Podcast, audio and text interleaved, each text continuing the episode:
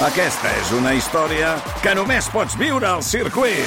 24, 25 i 26 de maig. Gran premi Monster Energy de MotoGP al circuit de Barcelona, Catalunya.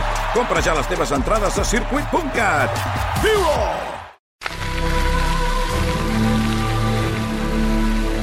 Us imagineu pedalar sobre una bicicleta de grava més de 4 dies non-stop entre 2.000 i 4.000 metres d'altitud? En aquest capítol viatjarem fins a Colòmbia per participar en la Transcordilleres. RAC més i Comut, l'aplicació mòbil per a navegació i planificació de rutes, us ofereixen quilòmetre vertical amb Xavi Alujas.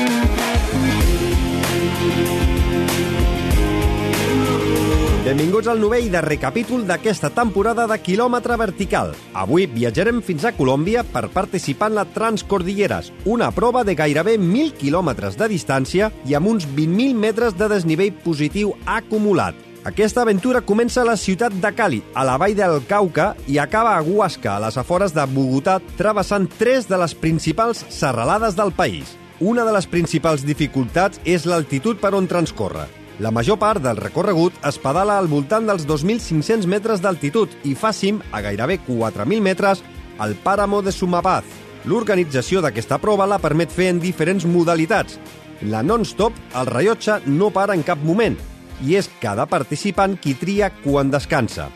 També es pot fer en 8 i en 3 etapes en les quals el rellotge sí que s'atura i s'acaba sumant el temps de cadascuna d'elles. Nosaltres avui la viurem en format non-stop i en parella mixta amb els nostres protagonistes, l'Ada Xinxó i el Santi Val.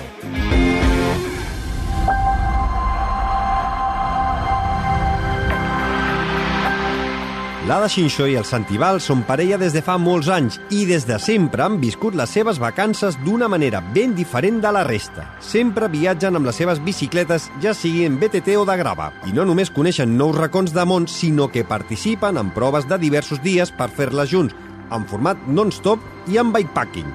No patiu que durant la conversa tindrem temps de saber què és això del bikepacking.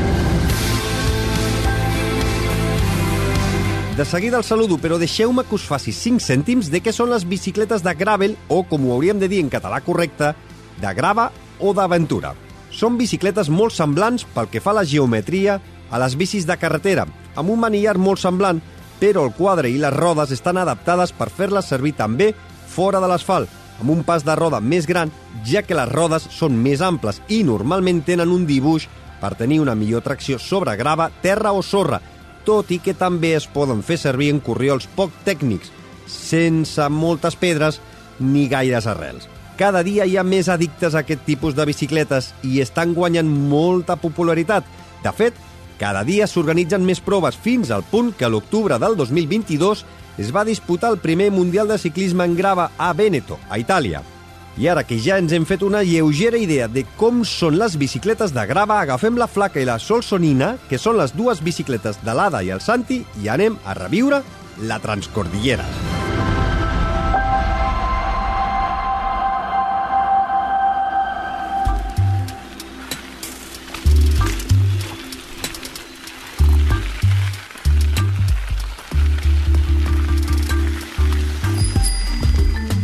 Xinxó i Santival, benvinguts a Quilòmetre Vertical. Hola, moltes gràcies. Bona tarda. Moltes gràcies a vosaltres. Eh, a veure, eh, Ada i Santi, vosaltres sou uns addictes a les eh, proves llargues non-stop que feu en BTT o en Gravel. Al capítol 69 del Fem Muntanya ja vam parlar amb tu, Ada, de la MB Ultime i de la Seven Serpents. En aquest capítol eh, del quilòmetre vertical vull parlar amb vosaltres de la Transcordilleres a Colòmbia. Ada i Santi, com la vau conèixer i què és el que us va cridar més l'atenció? Doncs aquesta la vam conèixer...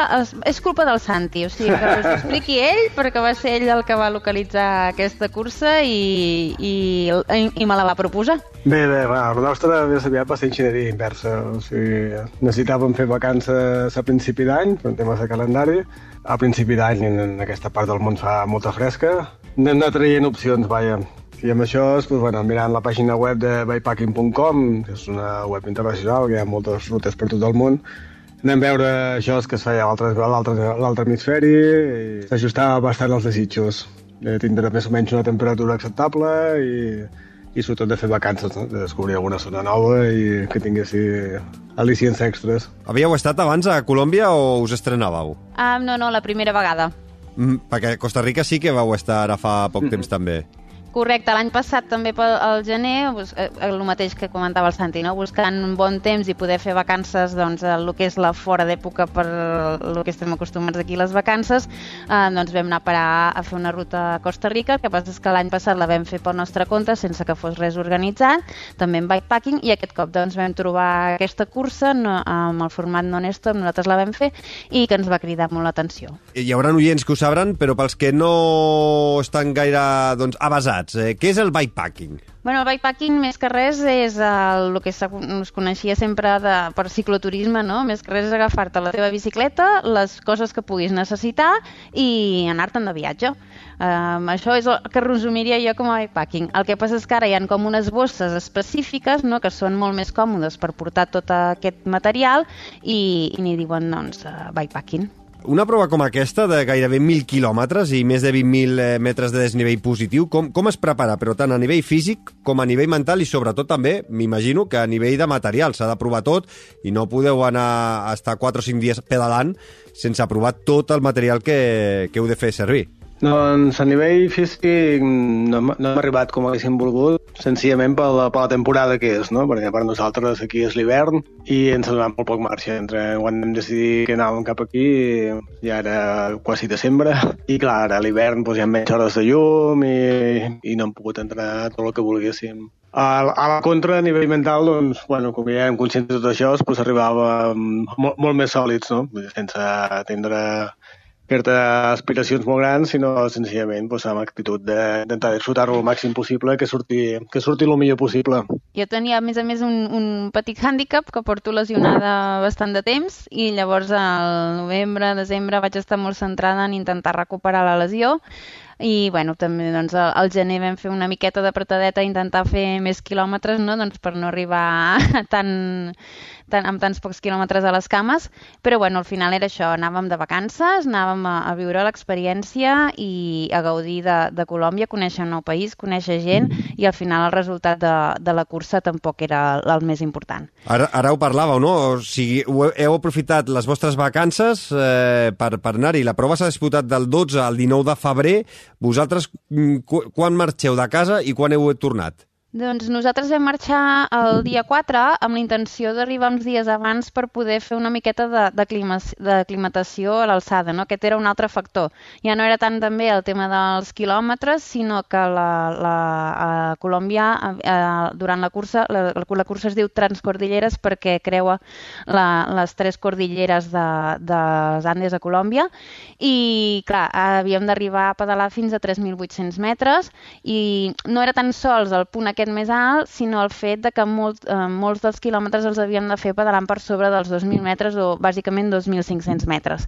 Llavors la nostra idea va ser anar-hi uns dies abans, vam volar a Bogotà, que és eh, també on acabava la, la cursa, i vam, després de muntar les bicicletes i estar un dia per allà coneixent Bogotà, vam sortir pedalant i vam fer una ruta de, de dos dies per la zona de Cundinamarca, a, a més, pedalant sempre a més de 2.500 metres. És que s'ha de tenir en compte que Bogotà ja, ja és a, a 2.500 metres d'alçada. Com porteu totes les bicicletes i tot el material necessari? Perquè si a vegades viatjar durant tres setmanes, ja m'hi poso, no?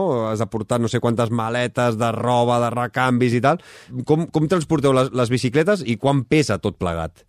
Bueno, és un poema, és un poema. Al final és com part de, com part de la cursa. La cursa estàs preocupat sempre per portar el material necessari i per fer aquests viatges el mateix però per aconseguir passar a l'aeroport, no? Perquè sempre vas, va apuradíssim de pes per tot. Nosaltres tenim unes bosses per portar les bicis. A la mateixa bossa de les bicis, de les bicis carreguem roba, alimentació, el que podem a les mateixes bosses i acabem sempre anant doncs, molt, molt apurats de pes i, i triant a veure què agafem i què no agafem. Sí, la, la companyia normalment et posa un màxim del, de l'equipatge aquest esportiu, que es paga a part, et posen un màxim d'uns 23 quilos. Llavors eh, és això el que et diuen, no? Però clar, si comptes que la bicicleta ja en pesa bastants.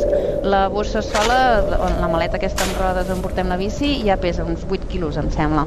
I més això, que hi posem pues, les sabates d'anar amb bici, els cascos, cascos, coses d'alimentació i tot, pues jo, vam arribar allà i quan et pesen la bicicleta dius, ai, ai, ai, i pesaven 24 quilos. Llavors van dir, bueno, no ens van dir per res, no?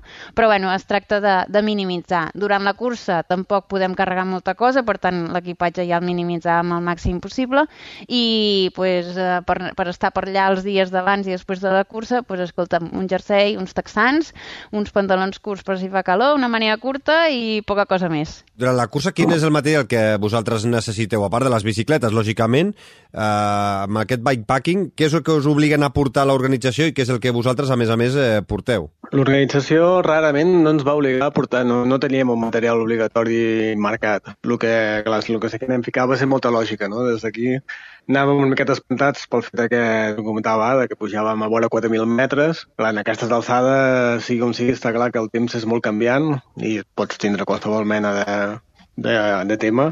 I clar, això ens obliga, doncs, bueno, està clar, de sortir impermeables, tindre roba, roba, roba llarga mínimament, unes capes, capes per poder-te abrigar, no? Portàvem plomes, i sempre una miqueta cobert pel tema, de, sobretot, d'alçada i canvis de temperatura. I comptant també que pedalem de nit. Llavors, clar, millor de dia fa molta calor, però a la nit les temperatures ja baixen i més si estàs en alçada. Però, bueno, a part de, de tot això de la roba, eh, portem també doncs, un mínim d'eines que puguem arreglar, bueno, fer alguna, alguna reparació si és necessari. Eh, portem barretes, gels, recuperador, eh, portem uns bols per, i unes culleres per menjar, Um, no sé què més portem, doncs l'oli per engreixar les bicicletes, um, mantes tèrmiques per si tinguéssim mm. alguna caiguda o alguna cosa, doncs, menys tenir les mantes tèrmiques d'emergència, um, doncs uh, llums, sobretot hem de portar llums perquè, i unes bones llums perquè hem de pedalar de nit, uh, el GPS i, no sé, mm, paper de vàter, una navalleta, sí, sí. qualsevol cosa d'aquestes que mm, ocupi poc però que et faci servei. I com dèiem, com ens preguntaves abans, evidentment el material l'hem d'haver provat abans i aquí teníem molt avantatge en que havíem fet la, la Seven Serpents al març que era una cursa similar però amb menys alçada. Llavors eh, vam portar moltes coses similars en aquella cursa. El que sí que vam poder canviar va ser que mm, allà eh, dormíem fent bivac, descansàvem fent bivac a les Seven Serpents.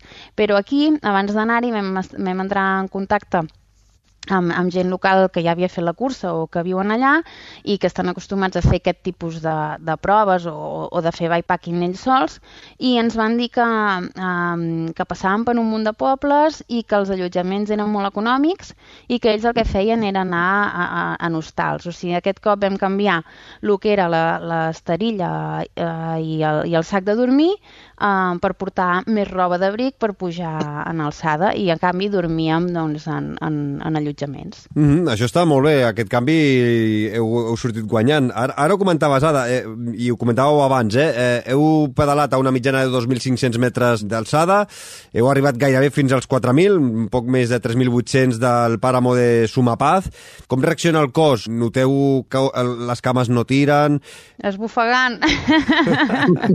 Sí, sí, bàsicament això. Les cames, al final, el primer, la primera ruta que anem fet pel nostre compte, sí que, per desbufegar molt, eh, ja notat, notaves que et limitava el cos, no? que et costava bastant tindre un, tindre un rendiment, vaja. Però ja després, ja en cursa, realment, les cames i tot anava fent.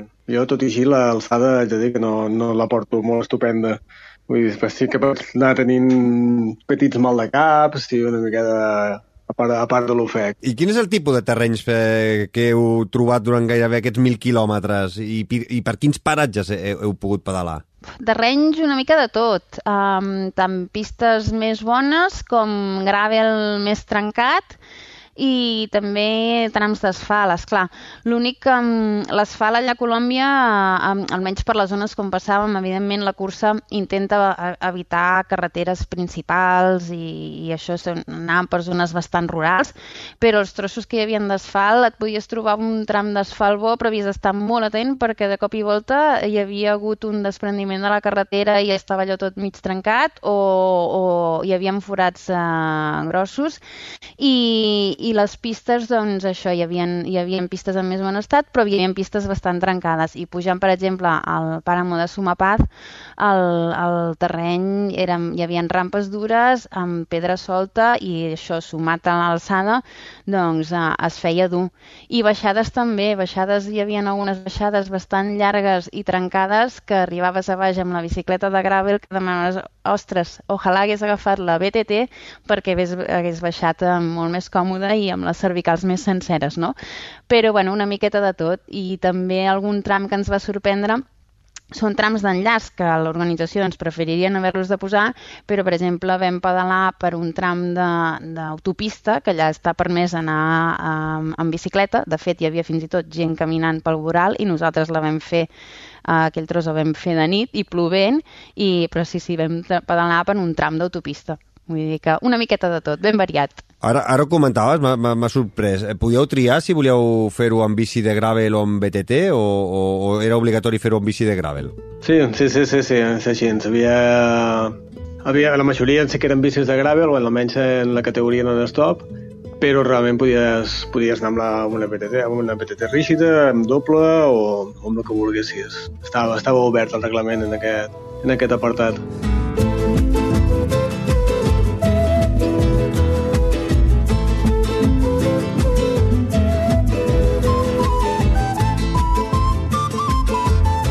Ada, Santi, heu acabat en 4 dies i 38 minuts eh, per fer aquests gairebé 1.000 quilòmetres. Heu quedat en sisena i setena posició a la general i tu, Ada, ha sigut la segona dona. Això, fent càlculs eh, a la, a, de la vella, eh, heu pedalat uns 250 quilòmetres de mitjana al dia.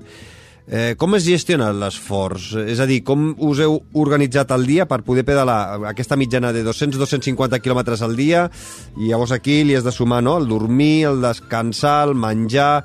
Eh, com, com us heu fet eh, el vostre dia a dia aquests, durant aquests quatre dies? Doncs la veritat és que vam ser molt, molt estructurats, diguéssim, de, perquè eh, el que fèiem era bueno, vam sortir pedalant a les 7 del matí del diumenge eh, i vam, vam estar pedalant fins que es va fer fosc, vam continuar una miqueta més. Allà a, a quarts de 7 es fa fosc i es torna i, i, i clareja a les 6 del matí. O sigui, tens nits de gairebé 12 hores i a més a més hi havia molt núvol, era negra nit i molt poca lluna. Llavors, eh, nosaltres el que fèiem era això, cap a quarts de 7, les 7, algun dia una mica més d'hora, depèn on ens enganxàvem, paràvem a descansar diguéssim. I el que fèiem era, durant la parada, eh, menjar, com que dormien en un, en un allotjament, ens dutxàvem una miqueta, ràpid i poca cosa més, l'aigua solia estar freda, però clar, no et fotràs dintre un llit amb tota la marranada de pols i les cames plenes de fang, i a part que també s'agraeix. Doncs una petita dutxa, eh, menjar eh, arreglar alguna cosa de les bicis si, si feia falta i descansar. Llavors, eh, paràvem en total unes 4 hores i mitja, 5, de les quals en devíem descansar doncs, dos, dos, dos i alguna cosa. Llavors, això vol dir que si paràvem a quarts, les 6, quarts de 7, a les 12 ens tornàvem, a, més o menys a torna, ens tornàvem a posar en marxa i pedalàvem tot el que quedava de nit, de 12 a 6 del matí què ens permet això? El que, el, el que ens va permetre era que um, durant la nit les temperatures són més agradables i en les zones rurals no hi ha trànsit. Um, tots els camins que fèiem per, per zones rurals a la nit estaven desèrtics, només érem nosaltres pedalant. El, um, si fèiem algun tros de, de carretera doncs hi havia una miqueta més de trànsit, però bueno, en general um, bones temperatures i poc trànsit i eh, per contra el que hi havia eren molts gossos sueltos que a la nit no estan acostumats a que passi gent, per la qual cosa doncs s'esveren, ens abordaven, ens perseguien i quan dic molts vol dir moltíssims. I l'altre inconvenient de pedalar de nit és que no veus el paisatge, però ja ens ho vam fer venir bé, el, perquè els paisatges que volíem veure els passéssim de dia i també vam tenir la sort que vam poder quadrar que molts trams on feia més, uh, més calor, perquè allà hi ha, ells diuen que hi ha com zones càlides i zones húmides, eh, llavors la, les zones càlides, que eren les de més baixes, que vam arribar a pedalar doncs, a uns 1.000 metres o així, ho vam passar de nit, per la qual cosa vam evitar les temperatures de, de calor, que per exemple la gent, alguna gent que va passar doncs, en altres moments del dia o els que ho feien per etapes, perquè la cursa aquesta podies triar a fer-la non-stop o en 8 etapes, um, doncs a vegades ells van pedalar a 38 graus i nosaltres, si ho vam tenir aquesta temperatura, va ser en moments molt, molt puntuals. Ah, eh, dèieu que dormíeu dues hores, dues hores i mitja al dia. Això em surt que heu dormit 10 hores en 4 dies. Això vol dir que aneu acumulant cansanci, aneu acumulant eh, fatiga. Com es nota això a l'hora de prendre decisions, a l'hora de pedalar, si heu tingut enfrontament entre vosaltres a l'hora de prendre decisions, o la sort de ser parella doncs, eh, fa que tot es solucioni d'una altra forma? Bueno, per sort portem molts anys rodant junts i i abans estem callats una estona que discutir-nos, no? portem, portem, portem molt, molt bona gestió d'aquesta. També hem vist que cada vegada pues, la neurona va més, més i més, més lenta. El que sí que portem és intentar portar-ho molt preparat de casa. Portem molta cosa apuntada, a quins quilòmetres hi ha coses, a quins quilòmetres pues, podem comprar menjar o descansar, per evitar prendre, com dius, no? prendre masses decisions, no? que tot sigui una miqueta tindre petites metes i saber fins on has d'arribar i així doncs, una miqueta et pots, et pots deixar portar i, i, i evitar aquests problemes, no? de, de tenir un gran dubte de si, si què passa si ara continuo dues hores més o dues hores menys, ai, si hagués parat o no hagués parat, doncs intentem portar al màxim mastegat tot i així anem prou bé. I de què us heu alimentat eh, durant aquests quatre dies? Doncs una miqueta de tot. O sigui, nosaltres, com et deia, portem eh, coses des de casa, o sigui, portem barretes, portem gels, portem gominoles, eh, també allà vam comprar una mica d'avena d'aquesta amb, amb flocs, que ens la preparem eh, barrejada amb recuperador doncs, quan paràvem a, a descansar en els allotjaments, però a part doncs, compres moltes coses allà, no? Pues un dia pares a, a mitja ruta, ostres, estem, és l'hora de dinar i vam, com, vam comprar allà medio pollo asado, que allà és super típic i en trobes paradetes a tots els pobles que passes, o pares amb un super i compres pues, eh, una bossa de, de patates o, o el que trobis més a mans i, i et vingui de gust. També hi ha allà um, panaderies, li diuen, que són com els forns d'aquí, l'únic que solen tenir me menys coses dolces, sinó són, bueno, tenen tot tipus de pa, um, és curiós, pots comprar-te um, un croissant farcit de bocadillo, perquè el bocadillo allà és la, la guayaba i és com, com una mena de, de codonyat, bueno, una confitura, no? Però em va fer molta gràcia que vaig anar dic, posa'm aquesta pasta, i em diu, bocadillo? Dic, no, no, aquesta pasta, em diu, i diu, no, no, és que està farcida de bocadillo. Dic, ah, vale, bueno, doncs pues posa'm aquesta. Dic, una pasta farcida de bocadillo. I, bueno, hi havia molts, molt, molt de, molts forns d'aquests, llavors era molt pràctic perquè paraves, compraves qualsevol pasta d'aquestes i, i, i tu menjaves i continuaves. Què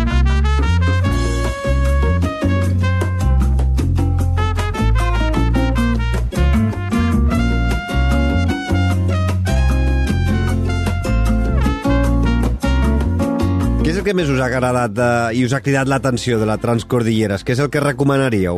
Bueno, la, la veritat de paisatges és un país que, que té un contrast constant. Això sí, i l'alçada, no? És molt, és molt surrealista agafar l'avió i aterrar a 2.500 metres i veure que, a 2.500 com a 3.000 metres, la, la vida és com una ciutat d'aquí, no? Vull dir, pots veure comerços, pots veure tothom passejant. El que per aquí la gent aniria pel litoral per intentar estar una miqueta en forma, jo passejant, caminant, caminant, allà la gent ho està fent a 3.000 metres, no? Vull dir, està, fet, està pujant un turonet a 3.000 metres per intentar pues, baixar, baixar el dinar del dia abans, el qual és bastant surrealista quan ho compares amb, amb casa teva, no? I és, és molt curiós això, la veritat de paisatges, perquè estàs allà i de, mires cap una banda i veus un prat verd amb flors i vaques, que sembla Suïssa, i de cop i volta estàs al mig de, del pàramo amb unes plantes que no has vist mai, llavors uns contrastos molt, molt marcats, no?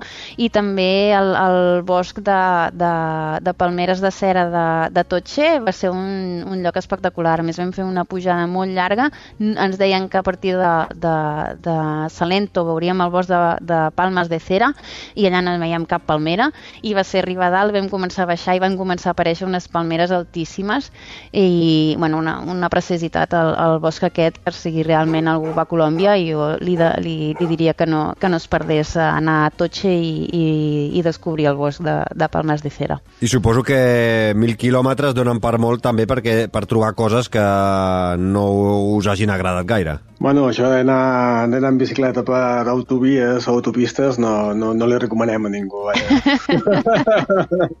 és com agafar per aquí i anar per les rondes amb la bici. No, no, seria, no seria la millor, la millor idea.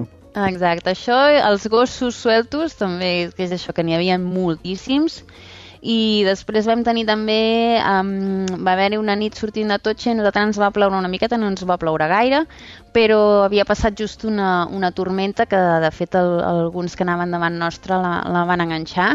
I vam fer després un tram per uns, arrossa, uns camps d'arròs, sortia el sol, estava preciós, però quan vam sortir d'allà ens havien acribillat els mosquits i bueno, no, nosaltres no vam ser els únics, però és que a més a més a mi se'm van, em van sortir un munt de butllofes a les cames de les picades i bueno, aquells mosquits no, no els hi desitjo a ningú tampoc. Fer aquestes aventures en parella té més beneficis que, que inconvenients o què? És a dir, tornareu a fer-ho en parella o recomaneu més fer-ho per separat? Jo sol no podria. Bàsicament. Això depèn molt de la parella. És que nosaltres, no sé, és, que és el que diu el Santi, portem molt interioritzats. Vam començar a anar amb bici junts i per nosaltres és molt fàcil la dinàmica d'anar amb bici junts. Jo sí que em veig fent-ho sola, però mm, o sigui, jo me n'he anat de vacances, no, no té cap sentit anar-me'n de vacances allà i sortir els dos um, per separat i, i cada un fer la seva cursa, no? I amb qui comentes, ostres, mira això, mira l'altre, um, no sé, per mi Ah, és, un, és un gran plaer poder-ho poder, convertir en el Santi, no? I a més a més és això, que, que, que, que no, o sigui, en cap moment en, en, ens hem discutit. També és veritat que coneixem moltes parelles que els dos van en bicicleta i són incapaços de fer una cursa junts, però bueno, clar, això suposo que va amb el, amb el tarannà de cadascú, no?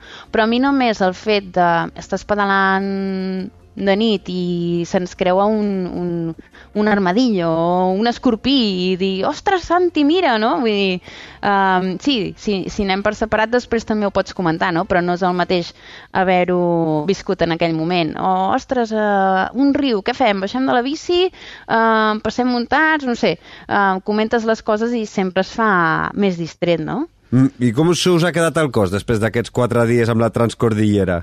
Lleugerament despallat, sí.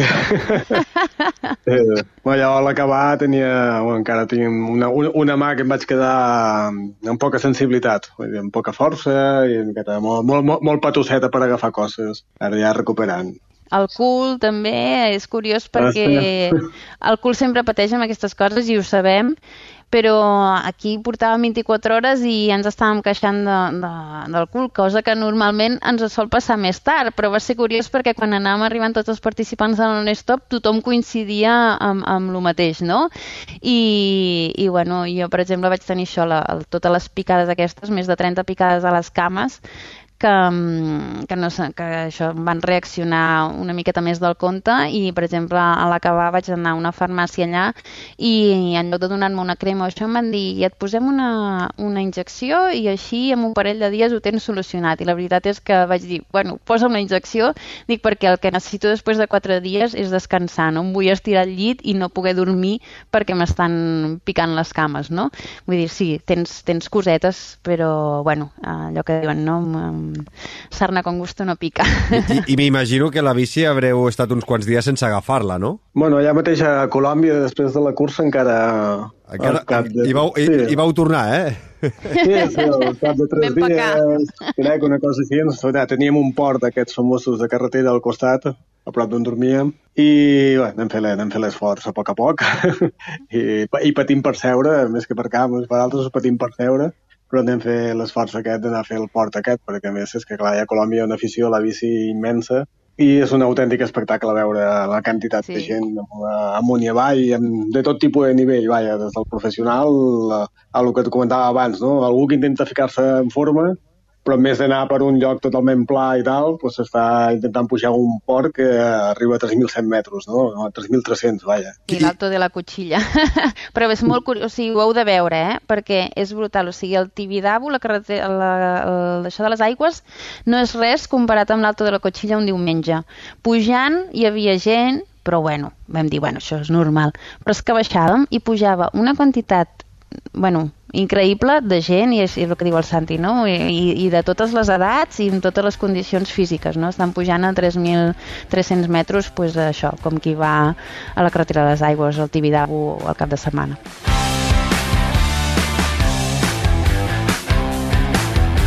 Santi, Ada, eh, a quilòmetre vertical ens agrada molt conèixer noves rutes i ens agrada que els nostres convidats planifiquin rutes amb Comut, el millor planificador i navegador de rutes. Per això, eh, m'agradaria que ens diguéssiu una ruta que us agrada fer plegats amb bicicleta, ja sigui amb BTT, ja sigui amb gravel, i l'afegirem a la nostra col·lecció de rutes que trobareu a Comut sota l'usuari de Fem Muntanya. A veure, què ens recomaneu? Doncs de ruta ens agrada i a més a més l'hem fet tant, la fem tant en BTT com en Gravel, quan aquest el recorregut, segons el que. Cosa més clàssica que ja ve del caminar, això, no? que, és, que és anar a Montserrat, no? I al qual sempre li tens molt carinyo a la muntanya i, i quan anem a veure també les opcions de poder anar en bici, doncs sí que ha sigut una ruta que, que anem mirant de fer-la tots els anys i bueno, especialment doncs, també aquella coseta quan estrenes alguna bici o algun tema especial doncs, i, doncs te'n vas a Montserrat, a Montserrat a, a acabar d'estrenar-ho tot. Això, aprofitem per batejar les bicis a, a Montserrat. I, I quin trajecte feu servir? Perquè vosaltres viviu a Sabadell i de Sabadell a Montserrat hi ha molts camins per, per anar-hi. Sí, normalment eh, eh, anem cap a la Pastora, de la Pastora baixem cap a Rellinars i d'allà cap a Monistrol i, i amunt per la Calzina i cap al monestir. Doncs, eh, escolta, afegirem aquesta ruta a Comut. Eh, recordeu que la podreu trobar a la col·lecció de rutes eh, del quilòmetre vertical que trobareu sota l'usuari de Fem Muntanya. Un plaer xerrar aquesta estoneta amb vosaltres, Ada Xinxó i Santi Val. Eh, Cuideu-vos molt i ens eh, escoltem ben aviat. Una abraçada. El plaer és nostre. Moltes gràcies. Abraçada.